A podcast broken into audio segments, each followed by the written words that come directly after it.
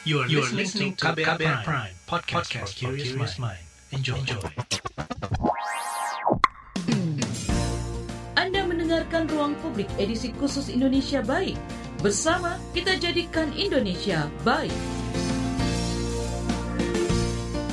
Selamat pagi, kita berjumpa kembali dalam Ruang Publik KBR edisi Indonesia Baik dengan tema Nakes Garda Terdepan Tangani Pandemi. Perhimpunan Rumah Sakit Indonesia Persi mengungkapkan ada lebih dari seribu tenaga kesehatan yang meninggal selama pandemi COVID-19 hingga akhir Juni lalu. Pemerintah pun melalui Menteri Koordinator Bidang Kemaritiman dan Investasi Luhut Binsar Panjaitan mengapresiasi para tenaga kesehatan yang gugur maupun masih berjuang menangani pandemi COVID-19. Luhut mengatakan tenaga kesehatan adalah pahlawan yang bekerja di garda depan. Lalu bagaimana perjuangan nakes di tengah tingginya angka paparan COVID-19 di Indonesia? Untuk mengetahui penjelasannya, kita akan simak penjelasan dokter spesialis paru yang juga juru bicara Satgas COVID-19 Ikatan Dokter Indonesia, Dr. Erlina Burhan. Pada segmen pertama ini kita akan menyimak penjelasan Dr. Erlina Burhan, dokter spesialis paru yang jubir Satgas Penanganan COVID-19 ID. Perbincangan ini dipandu rekan Fitri Anggreni. Dokter Erlina, terima kasih banyak sudah meluangkan waktu di tengah kesibukannya di hari ini ya dokter ya. Dokter Erlina, kita uh, melihat bahwa uh, banyak diberitakan bahwa rumah sakit-rumah sakit sudah mulai kolaps. Apakah semata-mata hanya karena jumlah pasien yang uh, semakin bertambah, dokter, atau ada faktor lain sebenarnya? Iya, jadi memang uh, sekarang harus pasien COVID yang datang ke rumah sakit itu luar biasa banyaknya sehingga uh, beberapa rumah sakit yang memang diminta uh, oleh Kemenkes untuk menjadi rumah sakit COVID, kemudian menghentikan menghentikan uh, pelayanan untuk uh, penyakit lainnya karena memang uh, untuk COVID saja uh, tempat tidur kita sudah uh, tidak cukup. Ini berarti uh, terkait dengan fasilitasnya dokter ya? Ya bukan itu saja. Jadi memang uh, kalau kita juga menerima pasien non COVID, sementara pasien COVID sudah uh, membludak gitu sangat luar biasa jumlahnya, itu tidak ada tempat tidur lagi dan juga tidak ada uh, apa SDM yang cukup karena SDM kita terfokus uh, untuk melayani pasien-pasien COVID. Itu satu hal. Kedua juga kita nggak tidak uh, mau pelayanan yang kalau dilakukan COVID dan non COVID ini ada risiko kemudian pasien-pasien yang non COVID ini karena sesuatu dan lain hal uh, dikhawatirkan akan tertular juga oleh pasien COVID. Walaupun kita ada zonasi hijau, kuning dan lain-lain, tapi kita khawatir dengan para pengunjung, dengan para pasien hmm. nanti mungkin uh, akan melewati tempat-tempat yang seharusnya mereka tidak lewati. Jadi uh, tidak menerima pasien ini tidak menerima pasien non COVID sebenarnya dokter ya? Iya. Tapi kalau pasien COVID pun kita terima, namun memang kalau sudah melebihi kapasitas kan tidak mungkin kita terima. Kita mau taruh pasiennya di mana? Sekarang sudah banyak uh, IGD IGD rumah sakit yang pasiennya udah nggak ke bagian tempat tidur tapi pakai kursi roda karena memang harus mendapatkan oksigen contohnya tapi kan ini harus dibatasi nggak bisa uh, kemudian uh, pasien berdiri atau bagaimana ya jadi memang ada keterbatasan. Keterbatasannya karena itu tadi uh, pasiennya udah penuh udah membludak jadi kami dari rumah sakit memang merasa kewalahan dengan kondisi ini. Oleh sebab itu kami tetap berharap bahwa upaya pencegahan di hulu itu lebih ditingkatkan lagi, dioptimalkan, dimaksimalkan agar upaya-upaya ini dilakukan dengan masif supaya eh, jumlah pasien itu tidak terus meningkat seperti sekarang ya. Jadi sekarang kan eh, di atas 50 ribu seharinya. Yeah. Jadi kalau 20 persen saja perlu eh, perlu perawatan rumah sakit ya lama kelamaan nggak muat rumah sakitnya dokter perawat dan petugas kesehatan juga sudah tidak sanggup juga uh, pemerintah menyatakan akan membuat rumah sakit rumah sakit darurat uh, rumah sakit lapangan begitu ya dokter ya sebenarnya tantangannya ya. membangun uh, rumah sakit darurat membuat mendirikan rumah sakit lapangan ini apa dokter ya tantangannya adalah saya kira uh, uh, SDM-nya Ya, jadi uh, tenaga kesehatannya akan menjadi tantangan ya. Kalau membangun rumah sakit darurat membuat tenda-tenda itu kan sudah biasa. Tapi uh, itu tadi SDM-nya yang tidak akan cukup. Kemudian oksigen juga kan pemerintah mungkin bisa mengupayakan membawa menyiapkan oksigen oksigen tabung, tapi kan juga harus di maintain dengan uh, apa namanya pengisian ulang. Dengan kebutuhan sekarang oksigen itu cepat sekali habisnya karena memang masyarakat yang sakit yang sekarangnya banyak yang berat yang butuh tambahan oksigen. Jadi pemakaian oksigen sangat-sangat uh, banyak sehingga cepat habis dan perlu isi ulangnya juga lebih cepat lagi. Nah ini juga harus dipersiapkan. Tetapi yang penting sebetulnya adalah uh, eh, SDM yang tidak mudah men mencetak perawat ketika mungkin juga dokter ya.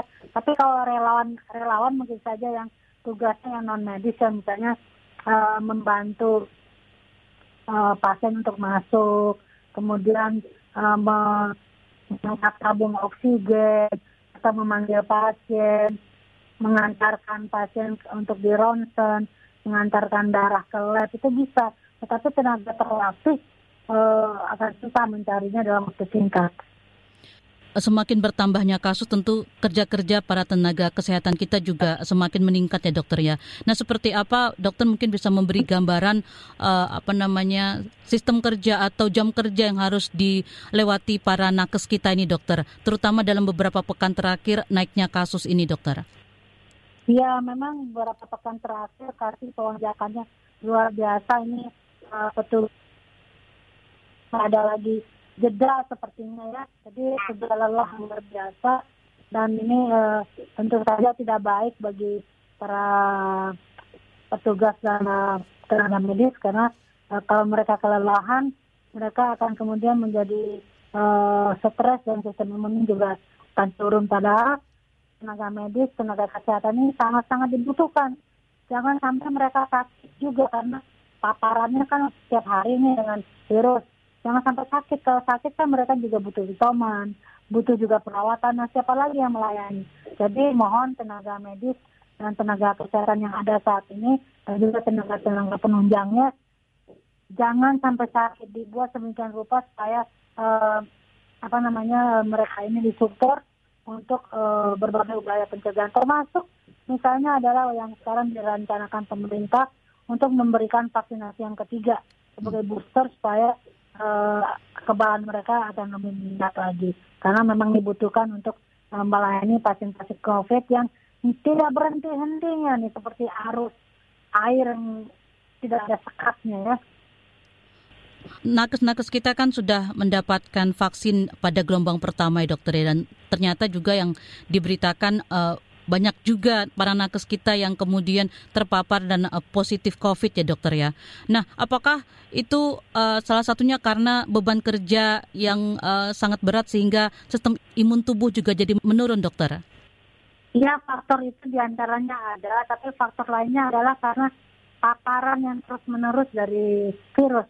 Jadi kalau paparan, ini terus menerus, uh, virusnya akan banyak masuk dan uh, serangan yang terus menerusnya lama-lama juga akan bisa mengalahkan sistem imun yang sudah terbentuk dari vaksinasi. Jadi memang kalau sudah divaksinasi, tapi kalau virusnya terus menerus masuk karena tiap hari berhadapan dengan pasien COVID, nah inilah yang membuat kemudian ada sebagian uh, teman-teman kami para dokter, para perawat, para bidan, para petugas lainnya. Kemudian juga uh, tidak beruntung dan kemudian malah terkonfirmasi. Tapi saya ingin menyampaikan karena sebagian besar atau hampir seluruhnya yang bertugas ini sudah divaksin, maka uh, umumnya yang terpapar terkonfirmasi ini uh, gejalanya ringan-ringan saja, tidak sampai berat. Memang ada sebagian yang berat dan akhirnya meninggal setiap hari kita dengar kan ada dokter yang meninggal dan perawat yang meninggal juga. Tapi jumlahnya uh, kecil dibandingkan dengan jumlah kasus yang terkonfirmasi saat ini. Dokter, tadi uh, dokter belum uh, sempat menceritakan kalau untuk sistem kerja mungkin bisa memberi gambaran kepada masyarakat para pendengar KBR seperti apa susahnya jam kerja para nakes kita itu mungkin bisa dibagi uh, sedikit dokter berapa lama satu uh, uh, nakes uh, perawat dokter itu harus bekerja satu hari untuk melayani para pasien dokter. Ya jadi di rumah sakit pada umumnya kita ada tiga shift pagi, shift sore dan shift malam. Jadi masing-masing 8 jam. Mhm. Ya, tetapi ini memang eh, karena harus memakai baju eh, APD level 3 karena kita semua sekarang masuk ke ruang isolasi seperti rumah sakit saya semua pasien kami adalah COVID sekarang ya. Jadi eh, dengan baju level 3 ini yang memang eh, panas dan segala macam, jadi tidak mungkin mereka itu sampai 8 jam di dalam. Mhm. Eh, paling eh, eh, empat jaman begitu, tapi mereka bergantian. Ya, jadi ini mungkin agak bisa membantu, tapi tetap saja itu melelahkan. Di awal-awal pandemi kan dok, para dokter yang uh, termasuk uh, lansia itu kan kemudian sudah tidak uh, berpraktek di rumah sakit dokter ya. Uh, apakah saat ini itu masih uh, berlangsung dokter? Oh iya, bahkan lebih lebih banyak lagi sekarang yang memutuskan eh, tidak praktek di rumah sakit, tapi beralih ke telemedicine. Hmm. Kalau dulu kan yang di atas 60 tahun kita minta jangan eh, praktek eh, di rumah sakit. Sekarang yang muda-muda pun kita katakan sebaiknya hanya eh, telemedicine saja. Kenapa? Karena sekarang banyak, kalau dulu kan memang banyak yang pasien-pasien yang lansia ya, yang kemudian ter- terkonfirmasi apalagi dengan komorbid.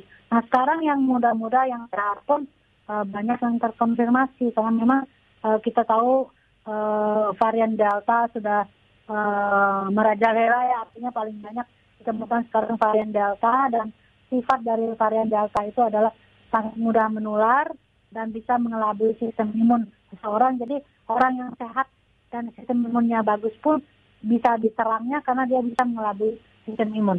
Nah itu adalah sifat dari varian Delta ini. Makanya sekarang banyak sekali kasusnya eh, dan juga banyak yang berat. Nah itu karena bukan saja karena varian Delta itu yang memang sifatnya lebih berbahaya, namun juga memang eh, belum seluruh masyarakat eh, melaksanakan protokol kesehatan sebagaimana mestinya dan juga cakupan imunisasi kita yang belum luar, belum tinggi. Beberapa hari yang lalu angka kematian kita juga sampai seribu uh, per hari dokter ya. Nah, Iya, apakah karena itu tadi, karena eh, memang eh, sekarang pasien-pasien COVID-nya lebih eh, banyak yang lebih parah dibandingkan sebelumnya. Eh, sepertinya ini, ini karena eh, varian baru ya, varian Delta, dan juga eh, sebagian karena masyarakat menunda-nunda untuk eh, ke rumah sakit Nah, karena merasa ah ini masih flu biasa, dan akhirnya terlambat begitu begitu datang ke rumah sakit sudah berat bahkan kemudian jadi kritis dan meninggal. Ruang Publik KBR edisi Indonesia Baik pagi hari ini adalah rekaman, jadi kami tidak menerima pertanyaan dari pendengar. Tetaplah bersama kami. Masih Anda dengarkan Ruang Publik KBR. Commercial break. Commercial break. Commercial break. Ada kesedihan, air mata, dan trauma. Namun ada juga gelak tawa, bahagia, dan rasa bangga. Cerita kehidupan manusia adalah perjuangan dan pembelajaran. Pertanyaan dibalik itu secara psikologi, apakah dia punya niat membunuh? Kan belum tentu. Saya kaget ketika ada konflik sesama orang Madura sendiri mengatasnamakan aliran keagamaan. Sejak itu, warga Syiah harus mengungsi sampai sekarang. Untuk kehidupan saya pada waktu itu aja nggak menentu kan. Boro-boro mikirin untuk perpustakaan gitu. Saga, cerita tentang nama, peristiwa, dan fakta. Liputan khas KBR ini telah memenangkan berbagai penghargaan nasional dan internasional. Anda sedang mendengarkan program Saga Produksi KBR. Simak di program Buletin Pagi pukul 6 waktu Indonesia Barat, Buletin Sore pukul 16 waktu Indonesia Barat, dan KBR Pagi pukul 7 waktu Indonesia Barat. Dengarkan Saga di radio jaringan KBR di Nusantara atau streaming di kbr.id. Saga juga hadir dalam bentuk podcast di kbrprime.id. KBR Inspiratif Terpercaya. Anda mendengarkan Ruang Publik edisi khusus Indonesia Baik. Bersama kita jadikan Indonesia baik.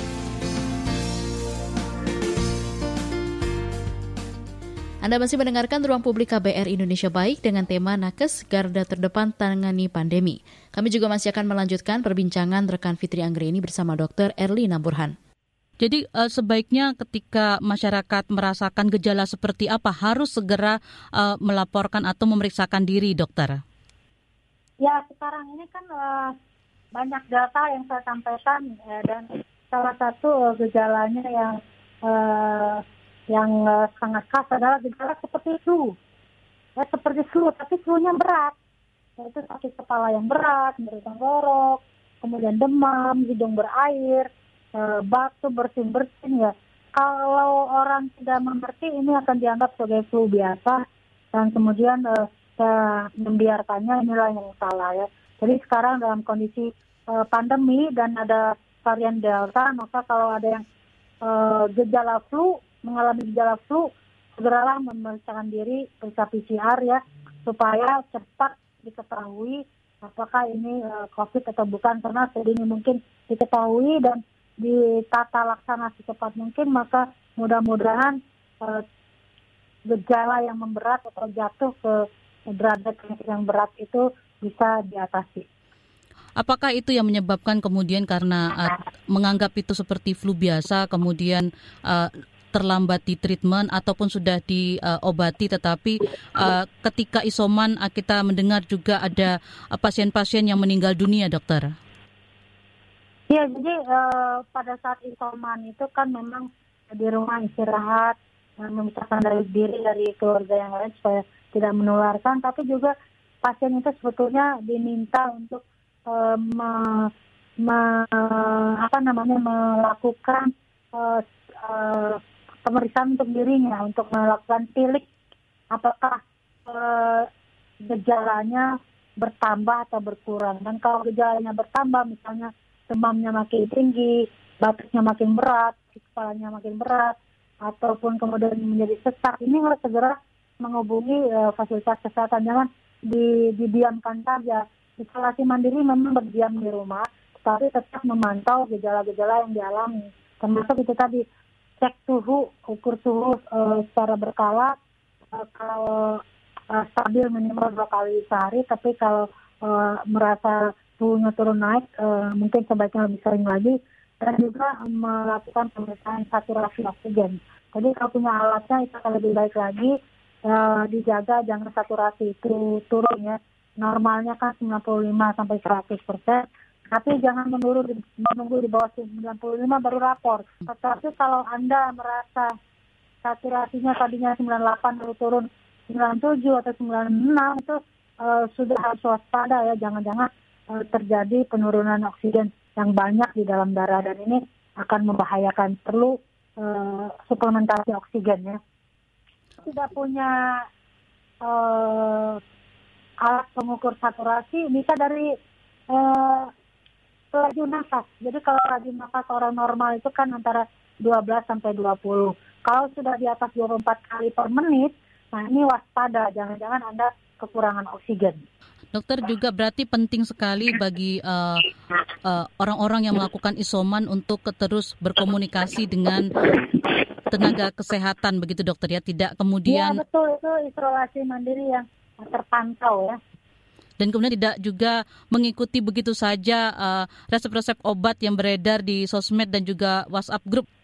Ya, jadi memang uh, banyak uh, berita-berita yang beredar yang tidak jelas sumbernya dan kalau anda ragu-ragu itu tinggal banyak uh, diklik ya dicari info-info uh, yang valid yang bisa dipertanggungjawabkan.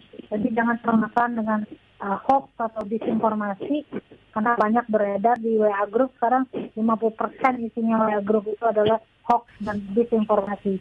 Jadi kalau Anda isoman nggak usah dia lihat uh, media sosial itu banyak yang berita yang uh, merugikan begitu ya. Dan juga uh, hindari mendengar berita-berita uh, negatif tentang COVID akan bikin stres saja ya. Jadi kalau isolasi mandiri itu harus uh, meningkatkan sistem imun termasuk uh, membuat uh, pikiran menjadi positif dan semangat jadi jangan terpengaruh dengan hal-hal yang negatif. Di Jakarta kan sejak tanggal 3 Juli sampai saat ini uh, kita melaksanakan PPKM darurat ya dokter ya. Uh, seperti apa uh, prediksi dokter kalau PPKM ini apakah mampu untuk mengurangi uh, jumlah pasien dokter? Ya, jadi kalau PPKM ini lebih diperketat lagi ya dan ini ditaati dipatuhi oleh seluruh lapisan masyarakat, uh, saya positif uh, uh, merasa ini akan ada perbaikan. Tetapi kalau hanya sebagiannya patuh, sebagian tidak, nah ini bisa tidak terkendali karena virus ini kan uh, menularnya terjadi karena interaksi manusia yang sangat dekat. Jadi kalau orang terus berinteraksi tanpa menjalankan protokol kesehatan, uh, ini kita tinggal menunggu lonjakan apa kenaikan kasus ini tidak akan bisa menurun. Ini adalah uh, hal yang tidak kita inginkan. Oleh sebab itu, mari kita bersama-sama patuh dengan protokol kesehatan. Karena karena kalau ada uh, sebagian kecil yang tidak patuh, orang yang patuh akan juga terdampak begitu. Tadi dokter sempat menyebutkan varian Delta ini kan sangat menular ya dokter ya. Tapi apakah juga tingkat keparahannya juga lebih tinggi dibandingkan varian yang lain dokter? Iya betul. Varian Delta ini selain lebih menular, 60% lebih menular dari varian Alpha, dia juga tingkat keparahannya lebih uh, tinggi dibandingkan dengan varian yang lama. Ya, jadi memang ini kita harus hati-hati dengan varian Delta ini. Tapi saya ingin menyampaikan pesan kepada semua pendengar, uh, tidak peduli varian apa pun yang ada sekarang. Yang penting uh, virus itu varian apa pun dia jangan masuk ke dalam tubuh kita. Itu saja. Itu juga salah satu uh, apa namanya himbauan uh, untuk mencegah virus masuk dalam tubuh kita dengan menggunakan masker double yang dokter. Ini uh, ya. menurut dokter ini seefektif apa menggunakan masker double ini dokter? Ya, jadi masker double ini di, dianjurkan supaya uh, kemampuan uh, penyaringannya, filteringnya itu akan lebih optimal. Jadi yang paling bagus kan masker N95 karena mampu menyaring partikel sebanyak 95 persen partikel ukuran uh, kurang dari 5 mikron. Nah, tapi N95 ini ketersediaannya sangat terbatas, hanya uh, cukup untuk petugas kesehatan. Oleh sebab itu, uh, masker bedah harus ditingkatkan uh, kemampuan uh, uh, filtrasinya dengan kemudian ditambahkan dengan masker kain. Jadi masker bedah ditambah dengan masker kain di luarnya itu kira-kira bisa memberikan proteksi sekitar 80 sampai 85 persen. Jadi mendekati N95. Itu sebetulnya latar belakangnya. Jadi memang uh, lebih baik uh, didobel daripada hanya satu karena akan meningkatkan uh, persentase perlindungan begitu dokter ya? Ya betul. Apa yang ingin dokter sampaikan kepada para pendengar KBR uh, agar uh, penanganan pandemi ini tidak hanya bertepuk sebelah tangan tetapi uh, seluruh elemen bangsa baik masyarakat juga pemerintah bisa ikut serta dalam pengendalian uh, pandemi ini dokter?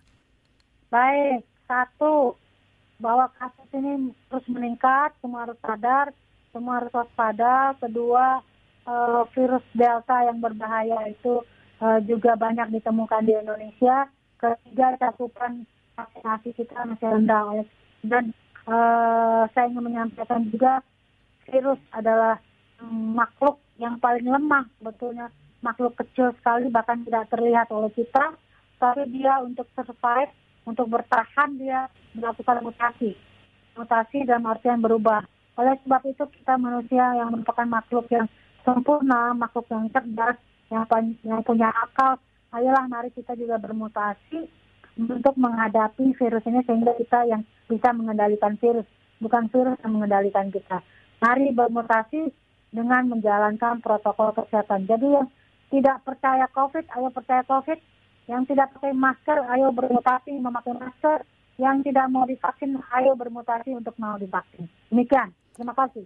Kami ingatkan kembali kalau ruang publik KBR edisi hari ini adalah rekaman, jadi kami tidak bisa menerima pertanyaan dari pendengar. Jangan ke mana-mana. Anda mendengarkan ruang publik edisi khusus Indonesia Baik. Bersama kita jadikan Indonesia baik.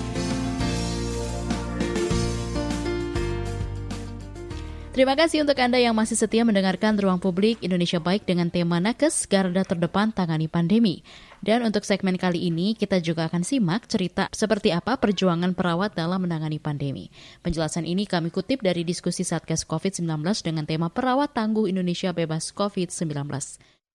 Saya perkenalkan yang pertama ada Dr. Harif Fadila SKPSH, MKP MH selaku Ketua Umum PPNI Persatuan Perawat Nasional Indonesia.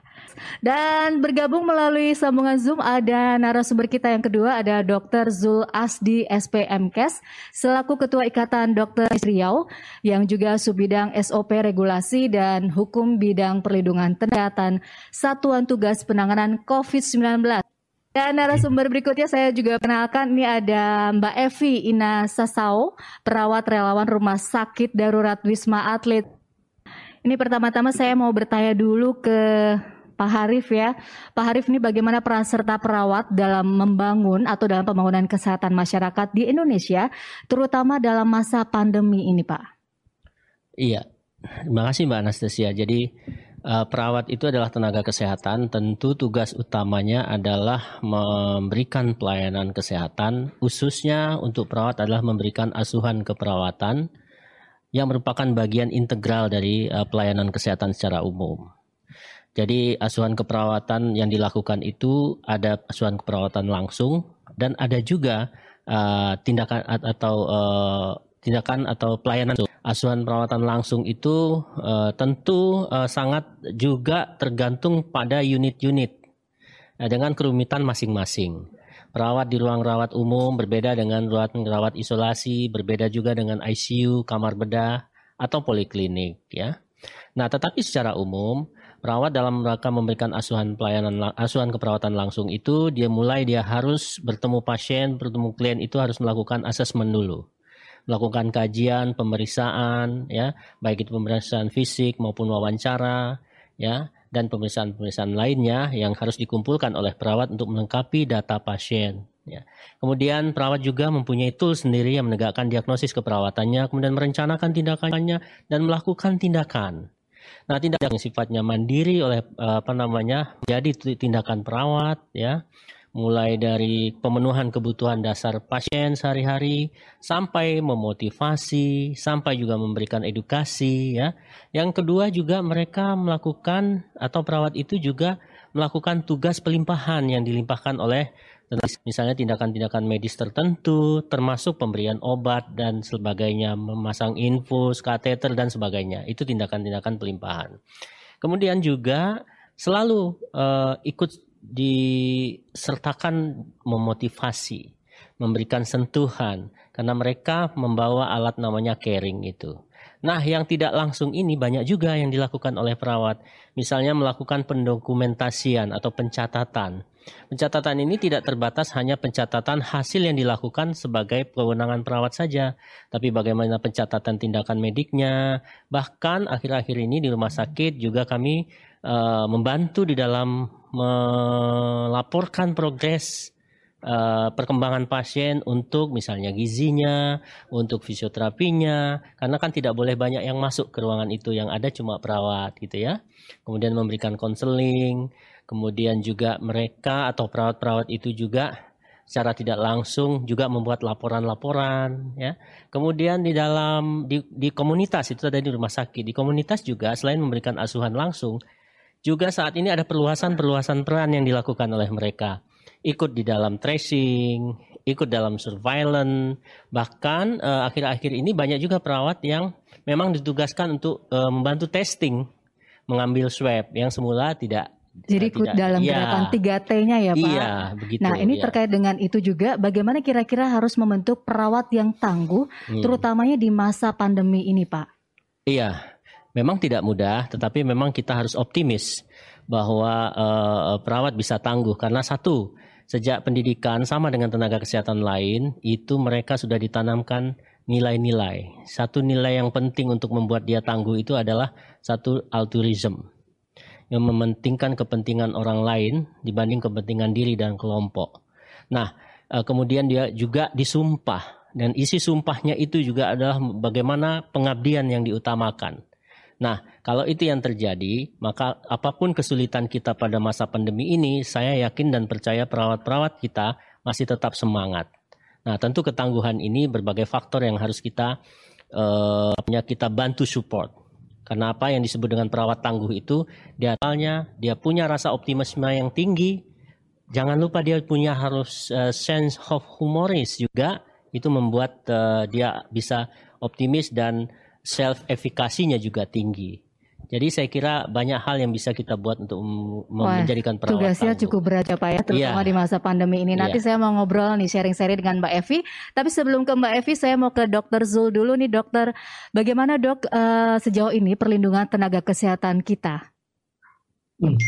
Ya, terima kasih Mbak Anastasia. Jadi sebetulnya kami bersama Pak Harif eh, dieskakan oleh BNPB dalam sebuah tim eh, perlindungan tenaga kesehatan, termasuk perawat di dalamnya. Ini sesuatu yang eh, luar biasa. Jadi eh, ada badan yang resmi dari negara yang eh, mengawal, melindungi tenaga kesehatan, tenaga medis dalam eh, perjuangan melawan COVID-19 ini. Jadi eh, sebetulnya bidang SOP kita hanya membuat uh, apa regulasi-regulasi sehingga program ini bisa berjalan dengan baik. Ada lagi bidang-bidang lain di dalamnya. Ini adalah Ketua PPID, Dr. Dayang Fakih, dan Dr. Maria Mugarika uh, di bawah BNPB. Jadi uh, sebelum saya bicara soal bidang ini, Mbak Anastasia mungkin saya minta waktu untuk menyampaikan uh, tentang bagaimana perlindungan tenaga tenaga kesehatan ini. Menurut kami perawat dan dokter dan semua tenaga kesehatan itu memang betul-betul harus dikawal oleh pemerintah. Alhamdulillah BNPB sangat konsen dalam hal ini. Uh, ada rumah sakit-rumah sakit yang cukup baik. Jadi perawatnya uh, diberikan vitamin setiap hari, kemudian jadwal kerjanya diatur, ada jam istirahatnya, lalu memang standar-standar uh, eh, APD-nya terjaga, di UGD bagaimana, di ruangan bagaimana, di poliklinik bagaimana. Namun banyak juga uh, fasilitas kesehatan yang yang uh, mungkin kurang mampu atau uh, ada keterbatasan dalam mengawal ini perawat. Uh, kami juga perhatikan di pusat kesehatan masyarakat itu juga kadang-kadang harus menjadi perhatian kita bersama karena di puskesmas itu pasiennya kita tidak tahu COVID atau tidak. Nah itu adalah rujukan pertama. Dan di sana kita banyak mendengar dokter dan perawat yang akhirnya tertular COVID-19. Uh, tentu saja peran pemerintah daerah, bupati, wali kota dan gubernur penting sekali untuk mengawal ini. Kami berkali-kali sudah mengatakan mohon itu dokter-dokter dan perawat di puskesmas itu diperhatikan jam kerjanya, ya kadang-kadang maaf, maaf kami Pak Pak Pak Arif saya sampaikan saja apa adanya. Kadang-kadang dalam jam kerja mereka nanti ada lagi panggilan-panggilan dari pejabat daerah yang minta diperiksa apa periksa rapid test, rapid antigen, periksa ini, kadang mereka nggak bisa tolak kadang-kadang. Jadi jam kerja mereka juga harus diperhatikan. Jam istirahat mereka harus diperhatiin, itu penting sekali. Nah, mohon ke depannya mungkin bersama dengan PPNI itu dan ini juga untuk dokter kita akan kawal ini bersama-sama Pak Nah, tentang Badan Perlindungan uh, kesehatan ini kemarin kami juga Mbak Anastasia itu tim kami itu ada yang dikirim ke satu provinsi yang di sana kasusnya meningkat tajam. Jadi ada semacam investigasi seperti yang BNPB lakukan juga pada kasus-kasus kecelakaan kapal dan pesawat terbang. Di sini sudah terjadi seperti itu. Jadi kita mau tahu apa yang terjadi, apa penyebabnya. Namun uh, masalah jam kerja itu penting. Nah, satu hal lagi yang penting adalah bagaimana perawat ini hanya bisa bekerja sesuai dengan aturannya. Jangan bekerja lagi setelah pulang ke rumah, Pak Afrik.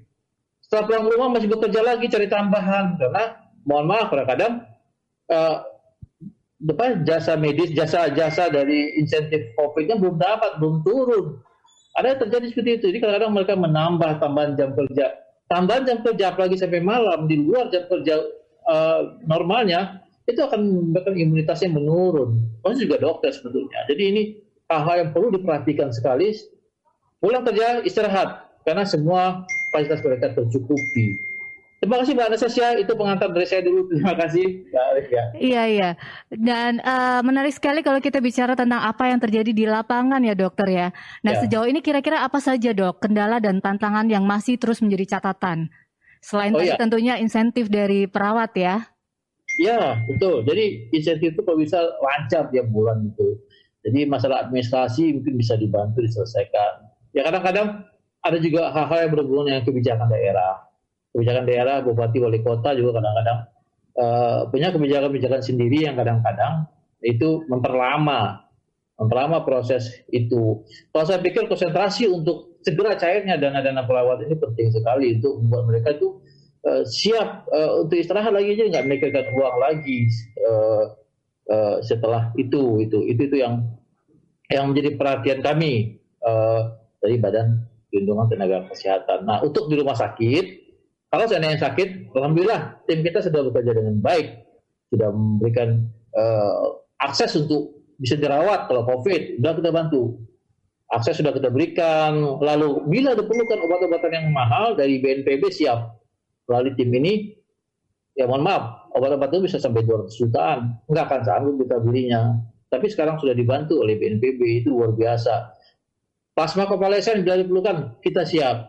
Jadi eh, alhamdulillah dengan turunnya badan ini dari BNPB perhatian kepada tenaga kesehatan itu uh, mulai terpantau baik. Mbak Anastasia. Iya, kira-kira ada adakah mungkin keinginan dari uh, Dr. Zul juga ya untuk mengakomodir permasalahan-permasalahan yang terjadi di lapangan tersebut, uh, kemudian dapat dijadikan dengan regulasi juga sebagai bentuk perlindungan terhadap tenaga kesehatan khususnya perawat dok. Ya, sebetulnya hal seperti ini uh, sudah sering kami diskusikan. Uh, Pak Arif tahu kita sering diskusikan, kita ada diskusi mingguan tentang masalah-masalah uh, kesehatan dan masalah-masalah COVID ini yang yang sifatnya kita juga mengundang uh, uh, pihak pemerintah, pengambil kebijakan, pihak terkait dan kita uh, mendiskusikannya. Dan uh, secara pelan-pelan ini sudah mulai kelihatan ada ada manfaatnya. Gitu Pak Mbak Nastasia. Kembali kami ingatkan kalau ruang publik KBR edisi Indonesia Baik hari ini adalah rekaman, jadi kami tidak menerima pertanyaan dari pendengar. Tetaplah bersama kami. Masih Anda dengarkan Ruang Publik KBR. Commercial break. Commercial break. Commercial break.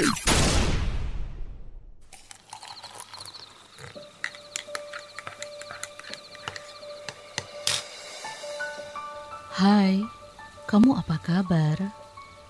Masih suka menikmati senja dan kopi? Aku masih ingat kebiasaan kita Sehabis pulang kerja, selalu mencari tempat untuk sekedar ngobrol dan ngopi. Tapi kadang kita kehabisan bahan obrolan. Aku masih melakukan hal yang sama sampai sekarang tanpa harus takut habis bahan buat ngobrol. Karena aku selalu mendengarkan KBR sore dari Senin sampai Jumat jam 4 sore. Ah, aku rindu. KBR Inspiratif Terpercaya.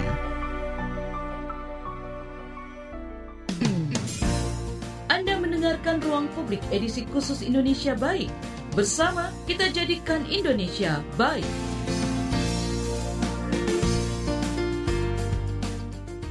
Kita tiba di bagian akhir ruang publik KBR edisi Indonesia Baik hari ini. Kita juga masih memperbincangkan terkait peran tenaga kesehatan dalam mengatasi pandemi. Kita masih akan simak cerita seperti apa perjuangan perawat dalam menangani pandemi. Penjelasan ini kami kutip dari diskusi Satgas COVID-19 dengan tema perawat tangguh Indonesia bebas COVID-19. Nah, saya mau ngobrol sedikit nih sama Mbak Evi. Uh, Mbak Evi, bagaimana nih uh, selama menjalankan tugas sebagai relawan merawat pasien di Rumah Sakit Darurat Wisma Atlet, ini kira-kira sudah berapa lama bertugas di sana dan bisa diceritakan Mbak Evi bagaimana pengalamannya selama ini merawat pasien di sana? Ya, Mbak Anastasia, saya di sini sudah kurang lebih satu tahun. Pengalamannya di sini banyak tentunya yang pertama itu jika sama pasien menjadi tantangan tersendiri bagi kami tenaga kesehatan khususnya perawat karena kami di sini bertugas memakai APD kurang lebih 8 jam dalam sekali bertugas. Nah, itu kami harus melakukan asuhan keperawatan dengan baik kepada pasien. Kami juga terkadang selalu menjadi pendengar, kami menerapkan sifat caring kepada pasien karena tak kadang pasien itu justru stres, stres dengan kondisi yang kemungkinan positif dan tidak diterima oleh lingkungan ataupun keluarga. Nah, di sini peran kami sebagai perawat sangat dibutuhkan oleh pasien tersebut untuk memotivasi, untuk memberikan support, memberikan sentuhan kepada mereka agar mereka tetap semangat dalam menjalani perawatan, dalam menjalani isolasi. Ya tentunya juga tidak mudah ya Mbak Evi karena jauh dari keluarga. Mbak Evi sendiri tadi mengatakan dari Manado ya harus berpisah dari keluarga. Kemudian sudah satu tahun di rumah sakit darurat Wisma Atlet. Nah bagaimana nih uh, Mbak Evi juga uh, harus memberikan semangat terhadap diri sendiri dalam supaya tetap semangat dalam menjalankan tugas dan tentunya banyak sekali dinamika yang terjadi di rumah sakit darurat tadi. Nah kira-kira hal-hal apa saja yang bisa kita petik pelajarannya? Kalau yang kita petik sebagai pelajaran tentunya biasanya semangat itu terkadang memudar. Tetapi kita akan membangkitkan kembali dengan melihat kondisi pasien yang semakin hari semakin membaik, apalagi ketika kita rawat dan kemudian sampai pasien itu membaik dan diizinkan pulang, tentunya sangat memotivasi, sangat memberikan semangat bagi kami, bagi saya secara pribadi, karena bagi saya pasien saja bisa semangat, kenapa saya tidak? Jadi itu yang membuat saya termotivasi agar semuanya tetap sehat dan pasien pun kembali berkumpul dengan keluarga dengan kondisi sehat. Ya tentunya boleh diceritakan Mbak Evi bagaimana pengalaman merawat pasien COVID-19 selama setahun ini pasti ada suka dan dukanya. Ada yang berkesan barangkali bisa diceritakan? Untuk suka dukanya sendiri tentunya beragam-ragam banyak dari pasien sendiri dengan kami. Sukanya itu senang senang melihat pasien gembira senang melihat pasien semangat untuk sembuh untuk negatif. Kemudian kita sendiri perawat tidak henti-hentinya untuk memotivasi mereka. Memotivasi mereka walaupun sudah pulang tetap menerapkan protokol kesehatan agar uh, istilahnya tidak kembali lagi ke sini, tidak terpapar kembali. Kemudian suka yang lain kami mengenal eh, teman-teman uh, sejawat dari seluruh tanah air, seluruh Indonesia dengan berba dari berbagai daerah, dari berbagai pengalaman. Kami di sini dijadikan satu dengan tujuan yang sama untuk melayani, untuk menjadikan Indonesia lebih baik, lebih sehat kembali. Dukanya belum diceritain nih Mbak Evi, gimana kira-kira menghadapi pasien yang mungkin sulit untuk dikasih tahu atau mungkin ada lain duka yang dirasakan oleh Mbak Evi? Kak, kalau dukanya untuk pasien sendiri eh, banyak yang mengalami stres, sedih, dan bahkan ada juga yang sampai mempunyai keinginan untuk mengancam bunuh diri, itu ada tetapi bagaimana kita menyikapi, bagaimana kita melakukan pendekatan, bagaimana kita menjadikan diri kita sebagai keluarga agar mereka tetap sehat kembali, agar mereka tetap semangat kembali untuk sembuh.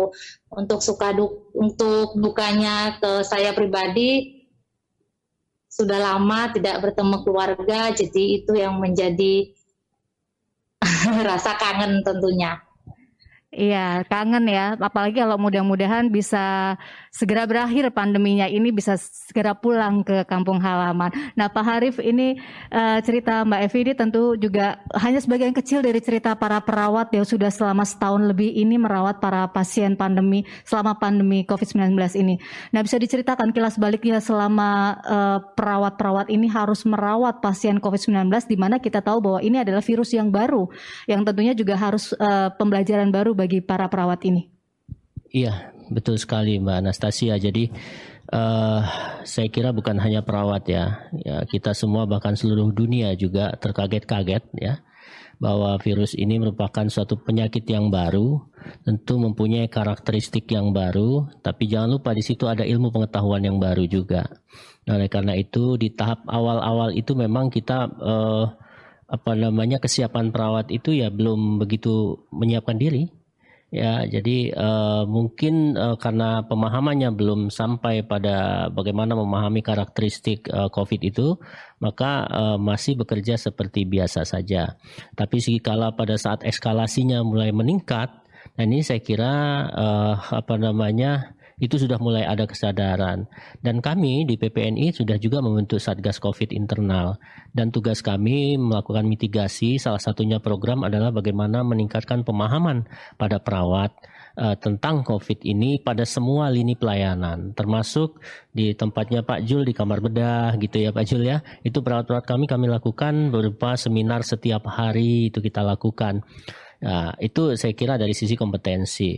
Nah, dari sisi eh, sarana dan prasarana juga kita uh, tahu bahwa di awal-awal itu APD itu sangat langka dan cukup mahal sehingga modifikasi sering dilakukan oleh perawat-perawat terutama yang di perif yang di FKTP menggunakan jas hujan, menggunakan kantong plastik dan lain sebagainya. Itu semata-mata bukan mereka tidak uh, tahu tahu tetapi ketersediaannya tidak ada. Dan uh, menggunakan uh, semboyan tidak ada rotan akar pun jadi akhirnya seperti itu ya. Sehingga sebenarnya itu tidak standar sama sekali. Tapi dengan berjalannya waktu saya kira uh, kami juga melakukan advokasi ya baik uh, bersama uh, kami bersama-sama organisasi profesi kesehatan membentuk sekber sekretariat bersama berjuang untuk mengadvokasi keterpenuhannya salah satunya APD ini untuk perlindungan perawat-perawat yang ada di lapangan. Dan alhamdulillah sampai hari ini keluhan APD tersebut sudah sangat jarang sekali uh, kami dengar ya. Dan uh, di awal-awal itu juga selain APD ada uh, karena hal baru tadi juga ada stigma yang muncul ya di tengah-tengah masyarakat terhadap kita sebagai perawat ya. Dianggap uh, semua perawat pulang pasti membawa virus itu ya harus uh, ditolak begitu ya. Jadi banyak sekali laporan masuk ke kami itu ada sekitar 26 kasus ya masuk ke kita tentang perawat yang ditolak di kontrakannya, di kosannya, disuruh pulang dan lain sebagainya. Bahkan mereka harus uh, tidur di rumah sakit menunggu kepastian adanya tempat Ya ini sangat menyedihkan memang. Tapi kita tidak bisa menyalahkan 100% masyarakat karena memang ini suatu hal yang baru sehingga kita anggap ini sebuah lesson learn ya. Dan yang berikutnya adalah eh, semakin banyak ke sini semakin banyak juga tenaga perawat yang terinfeksi. Ini juga menjadi perhatian kita semua. Bagaimana uh, adanya program testing yang belum begitu uh, meningkat, uh, belum begitu banyak ya untuk pasien saja eh, masih sedikit apalagi untuk kita tenaga kesehatan gitu ya yang seharusnya uh, seperti kami kami ini harusnya secara rutin dilakukan apa namanya pemeriksaan PCR itu. Minimal satu bulan atau dua minggu sekali supaya kita bisa screening uh, cepat ketahuan kita ini positif cepat kita istirahat cepat juga kita lakukan tindakan sehingga tidak jatuh pada perburukan. Itu terjadi beberapa waktu yang lalu Ya, lalu ya. bagaimana dengan ke kesiapan perawat kita saat ini, uh, Pak Harif? Dan kita tahu juga tadi Dokter Zul hmm. juga sempat uh, mengatakan ada kendala-kendala di lapangan seperti insentif yang yeah. tidak kunjung cair, kemudian yeah. jam kerja yang terlalu yeah. apa uh, overload gitu. Yeah. Nah, bagaimana mengatasi kendala-kendala ini? Ya, akhir-akhir tahun yang lalu dengan sangat tingginya kasus ini ada beberapa masalah kendala selain insentif tadi juga adalah beban kerja yang cukup berat. Banyak perawat kami yang double bahkan triple shift gitu. Masuk pagi, sore, terus ke malam lagi. Yang tadi sampaikan Pak Zul itu sangat kurang istirahatnya. Ya, ya sehingga mereka mendapatkan satu beban fisik ya yang cukup tinggi yang beban fisik ini berdampak pada beban mentalnya juga ini yang terjadi di akhir-akhir ini. Dan persoalan uh, insentif memang uh, ada beberapa, ada dua dua hal sebenarnya persoalan insentif ini. Yang pertama adalah keterlambatan turunnya itu, karena kami juga mendapat laporan uh, sejak bulan Juni itu masih ada yang belum mendapatkan rumah sakit rumah sakit di daerah terutama memang yang insentif ini menjadi tanggung jawab penyalurannya oleh pemerintah daerah ya tapi untuk pemerintah pusat rasanya sudah tidak ada keluhan ya di Kementerian Kesehatan. Nah, yang kedua adalah uh, insentif ini di, sudah dibagi sudah sampai pada rekening masing-masing. Kemudian uh, oleh kes, manajemen kesepakatan mungkin ini dikembalikan lagi, kemudian dibagi lagi ya kepada mereka-mereka yang memang tidak harus mendapatkan gitu. Nah, kita sih sebenarnya melihat hal ini memang harus uh, dievaluasi regulasinya. bahwa insentif ini harus berbasis pada keadilan dan kewajaran. Satu sisi misalnya di puskesmas atau di rumah sakit saya ambil contoh uh, bahwa pasien COVID itu masuk UGD, kemudian dilakukan pemeriksaan, kadang masuk ICU atau kamar operasi. Itu bukan hanya terlibat pelayanan di situ sebenarnya, tapi juga di pelayanan lain. Tapi yang hanya mendapatkannya itu hanya UGD, isolasi, ICU, kamar bedah gitu kan. Sementara yang lain banyak tidak mendapatkan. Demikian ruang publik KBR edisi Indonesia Baik dengan tema Nakes Garda Terdepan Tangani Pandemi. Dan bagi Anda yang tidak sempat mendengarkan siaran ini secara utuh, bisa mendengarkannya kembali di podcast kbrprime.id lalu pilih ruang publik. Terima kasih untuk kebersamaan Anda pagi ini. Saya Naomi undur diri. Salam. Baru saja Anda dengarkan Ruang Publik KBR. KBR Prime, cara asik mendengar berita. KBR Prime, podcast for curious mind.